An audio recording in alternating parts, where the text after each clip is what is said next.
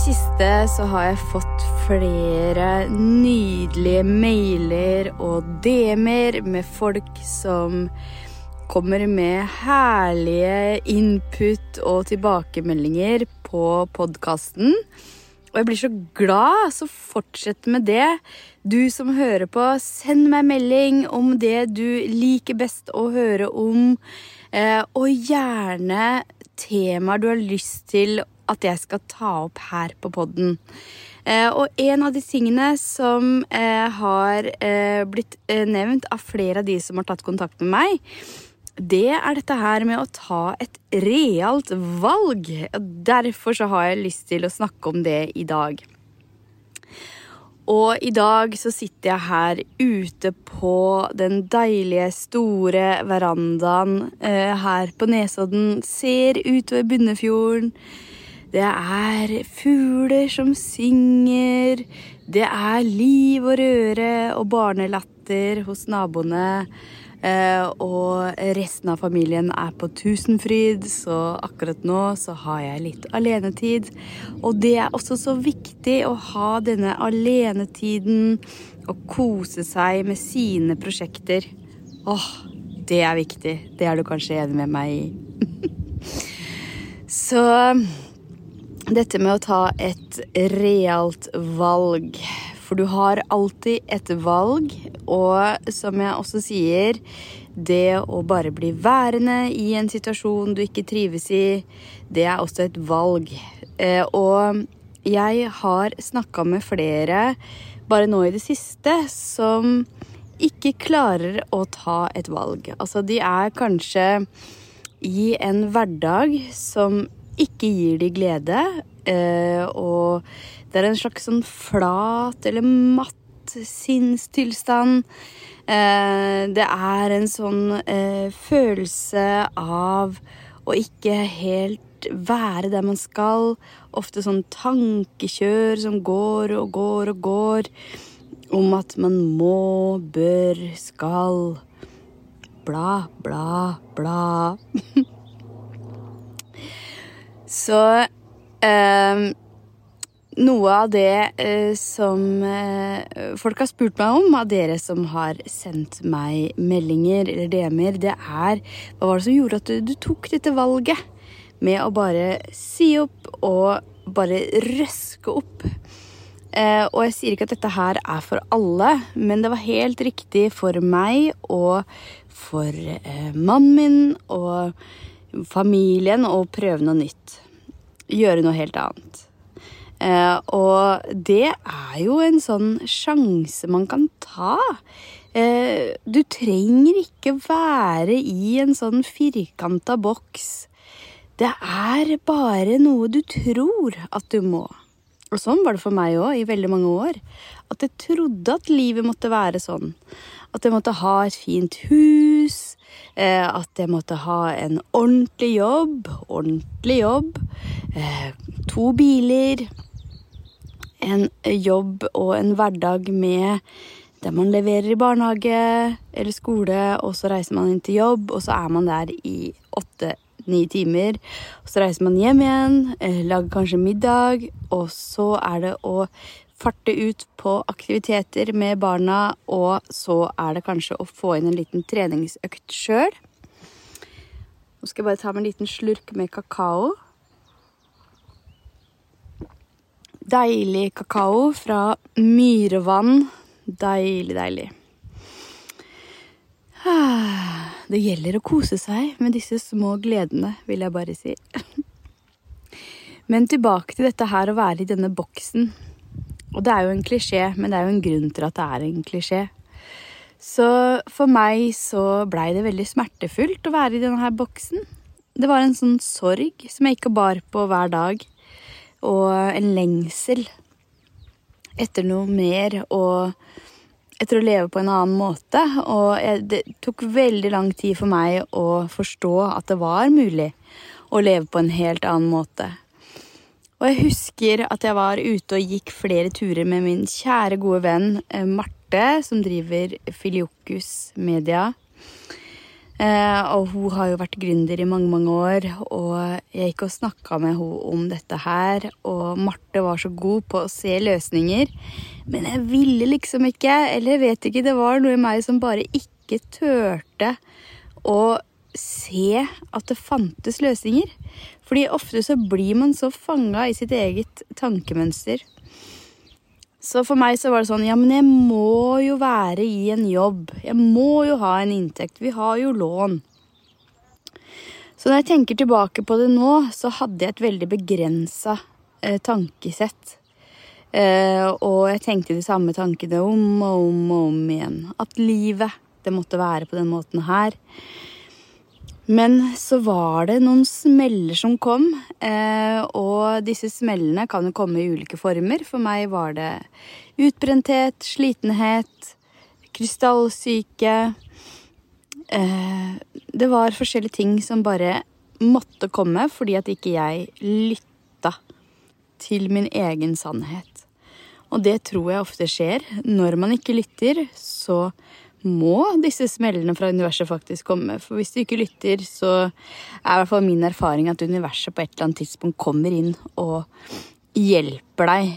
For det er jo sånn som jeg kan tenke nå at ja, det var forferdelig å være så syk og utbrent og sengeliggende og være så svimmel at uh, jeg ikke klarte å se folk i øya, jeg klarte ikke å snakke snakke ordentlig eller følge med på en samtale. Klarte ikke å konsentrere meg eller sitte på en skjerm. Eh, og det å tenke tilbake på det, hvor fælt det var eh, Og samtidig også være takknemlig for at det skjedde. Fordi at hadde det ikke skjedd, så hadde jeg kanskje fortsatt vært i det livet jeg hadde før. Og i går så så jeg litt på boka mi som nå er ute, 'Lev av din livsoppgave', og så tenkte jeg mitt stille sinn. Tenk da, Maika, om du ikke hadde våga. Tenk om du ikke hadde tatt det valget for seks år siden om å bare si opp jobben. Da hadde jo ikke alt dette her skjedd. Da hadde jeg ikke gitt ut bok nå, da hadde jeg ikke hatt min egen bedrift som er i vekst. Da hadde jeg ikke møtt alle disse fantastiske menneskene som har dukka opp på veien min, sjelefamilien min som bare har kommet inn i livet mitt én etter én. Nydelige kunder, samarbeidspartnere Åh, opplevelser. Jeg blir helt rørt av å tenke på det, og jeg er så glad for at mitt, at mitt yngre jeg tok dette valget. Selv om Maika for seks år siden var kjemperedd og Herregud, hvordan kommer dette her til å gå? Så gjorde jeg det til tross for at frykten var der. Og jeg er jo så heldig at jeg har en mann som støtter meg, og som også vil leve et liv som kanskje ikke er helt inne i, i denne boksen. Så det vi gjorde for seks år siden, det var at vi begge sa opp jobbene våre. Og så solgte vi dette huset store huset med stor hage, eh, der naboene sa at hei, dere sitter jo på utstilling. Når vi satt der ute og spiste, så så det ut som vi satt på utstilling, for dette huset lå på toppen av en liten sånn eh, eh, liten ikke, altså ikke en ås, men det gikk litt oppover akkurat der dette huset lå, og det var en, veldig nær en sånn eh, En sånn sti der folk gikk, eller en vei der folk gikk forbi når de skulle ut på tur eller når du skulle på jobb. Og da blei det nesten sånn at eh, Ja, vi følte at vi satt på utstilling. Og Så eh, Vi sa opp jobbene. Vi solgte huset, og det var veldig vondt på mange måter å selge det huset òg, fordi vi hadde blitt glad i det, og eh, vi likte veldig godt å bo her på mange måter, her på Nesodden. Men allikevel så måtte vi bare prøve noe nytt, og det var en måte å komme seg ut av denne boksen på. Det var å bare røske opp. Så det gjorde vi. Så flytta vi til Hemsedal i ett år. Eh, jeg er fra nabokommunen Ål. Og jeg møtte eh, mannen min eh, i Hallingdal for 20 år siden. Han har også en connection til Hallingdal. Så det var veldig naturlig for oss å være der. Og vi liker veldig godt å gå på ski og være i fjellet. Og det var jo også en sånn mulighet for å kunne gjøre noe nytt. Utforske, eh, stå masse på ski, være mer sammen med familien. Eh, ta med oss barna etter eh, barnehage og skole ut. Og grille mat istedenfor at vi må stresse hjem og lage mat hjemme. Vi hadde mer tid, rett og slett. Det var ikke så travelt. Og jeg eh, brukte litt tid på å studere innovasjon og lære masse om det. Og starta en bedrift. Eh, og etter hvert så starta jeg enda en bedrift. Men de var ikke helt riktige, fordi jeg lytta mer til andre enn til meg sjøl. Eh, så det har jo også vært en sånn erfaring, det der å kunne stole mer på meg sjøl og det jeg ønsker istedenfor å lytte til andre. Og det å kreve litt eh, vågemot og stole på seg sjøl. Eh, men det er det jeg gjør nå, og det gir resultater. Så det vil jeg absolutt anbefale.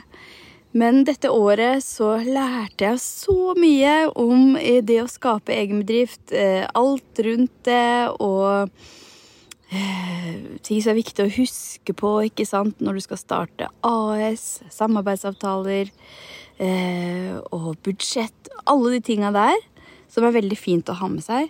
Og så var jeg masse ute og gikk på ski. Litt mer kakao her. Gikk på ski og gikk i fjellet. Og så øh, kjøpte vi en tomt der vi egentlig skulle bygge et hus. Et fantastisk sted. En nydelig stor tomt inntil skogen. Øh, med nydelig utsikt øh, inn til fjellet. men vi fant ut etter hvert at familien som helhet hadde det bedre på Nesodden. så og jeg òg oppdaga at selv om jeg er fra Hallingdal og har vokst opp i fjellet, så var det akkurat som at for sjelen min så er det riktig å bo nær sjøen. Åpent hav. Være nær sjøen. Og det har jeg også sett i mitt Human Design-kart at det er viktig for meg. Så det er jo også litt sånn interessant å se hvordan ting også stemmer. Så da eh, Etter dette året, eller når dette året gikk mot slutten, så hadde vi jo bestemt oss for at eh, vi blir ikke her. Eh, så da fikk vi solgt den tomten igjen. Og hva gjør vi nå?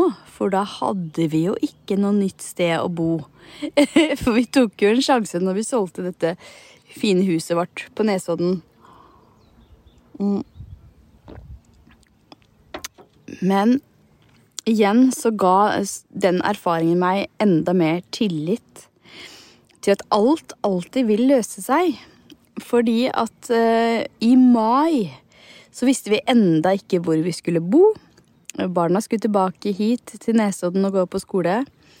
Visste enda ikke hvor vi skulle bo. Uh, og så så vi på Finn at det var flere hus til salgs. Uh, og det ene huset sto det i ehm, eh, prospektet at måtte rives. Men dette huset det var 100 år gammelt, og det var på en helt fantastisk nydelig tomt med utsikt utover hele Bunnefjorden. Naturtomt masse planter, to store furutrær. Eh, og jeg sa det der skal vi dra og se på. Eh, og det gjorde vi jo. Eh, og da jeg kom hit og gikk ut døra, så var det sånn Bom! Her er mitt hjem. Dette har jo venta på meg. Det er her jeg skal bo. Og så tok det litt lengre tid for mannen min å skjønne det. Og dette er jo litt annerledes, eh, fordi at vi er jo Vi bodde jo tidligere i et stort hus, eh, og Eh, levde inni den boksen. Mens da, når vi kom tilbake, så kjøpte vi dette stedet her, fantastiske stedet, med et lite hus fra 1920. Eh, og så har vi gjort det litt om og restaurerte. Bygde en gapahuk og et anneks. Eh, og så er vi i ferd med også å bygge videre på dette gamle huset som de sa at måtte rives. Men det er helt nydelig. Det skulle absolutt ikke rives, for det er en sånn sjel i det som bare må leve videre. Og her oppå bjerget, som vi kaller det, så er det sånn at det er en kar, en nabo, som innimellom kommer og sier at eh, vet du hva, her oppe på bjerget så satt jeg Og det er det da et sånn type svaberg som er her på tomta. Og han sier han, han satt der som ung og så utover fjorden. Så noen ganger så kommer han opp hit, og så får han sitte der og se utover fjorden fordi han syns det er så nydelig og nostalgisk. Og her sitter vi ikke på utstilling, for det er bare én nabo som kan se oss. Og jeg elsker å bo på den måten her, med så mye sjel. Litt annerledes. Sitte foran bålet på kveldene, se utover fjorden. Ah, det er så mye mer i tråd med min sjel og den jeg er innerst inne. Og her en dagen så hadde vi en liten fest her, og da var det en av de som kom hit, som sa ja, men dette stedet er jo helt i tråd med din bok. For det, jo, det gir jo så sjelero bare å være her. Så her vi bor, det har vi døpt til Kanelbollehuset. For på visninga her så var det sånn at sønnene våre de spiste så mange kanelboller. Så da heter det Kanelbollehuset. Så det er også en måte å gjøre det på. Det å bare røske opp, selge huset, stikke til fjells og komme tilbake og kjøpe et helt annet type sted med mye mer sjel. Og det var sånn jeg gjorde det, det var sånn vi gjorde det. Kanskje er det annerledes for deg. Men det viktigste, det er at du faktisk tar et valg. Eh, at du ikke bare blir værende i en situasjon som du ikke liker Eh, for enten så gjør du noe med det, eller så gjør du ikke noe med det. Og når du ikke gjør noe med det, så vokser det seg større og større, den her smerten i å ikke leve i tråd med den du egentlig er. Men hvis du gjør noe med det, uansett om det er bare et lite steg hver eneste dag, uansett om det er at du blir med på et kurs som kanskje kan ta deg et steg nærmere drømmen din, eller om du bare tar et stort hopp, så vil det gi deg mye mer glede, brusende, boblende følelse og ro i sjelen, fordi at du da lytter innover, fordi sjelen prøver alltid å fortelle deg noe, og kroppen er et verktøy for sjelen. Så når du lytter, så får du alltid svar. Så følg det, følg det, følg det. Gjør litt hver eneste dag hvis du kjenner at det er mer riktig for deg. Men bare lov deg sjøl det, og bare prioriter det. Ikke legg det på hylla. Det vil jeg bare si. Og hvis du har lyst til å bli med i min gjeng og få hjelp akkurat der du er Jeg jobber med mange som fortsatt er i en jobb de vet at ikke er helt riktig eller som er utbrente, er på vei tilbake igjen fra sykdom eller utbrenthet, så bli med. Bli med i dette programmet mitt som heter Kickstart din sjelfulle business. Ok, da håper jeg at du får en deilig dag videre der du er, og at du tar med deg noen tanker rundt dette her, og spør deg sjøl hvilket valg skal jeg ta nå, som er i tråd med den jeg er innerst inne.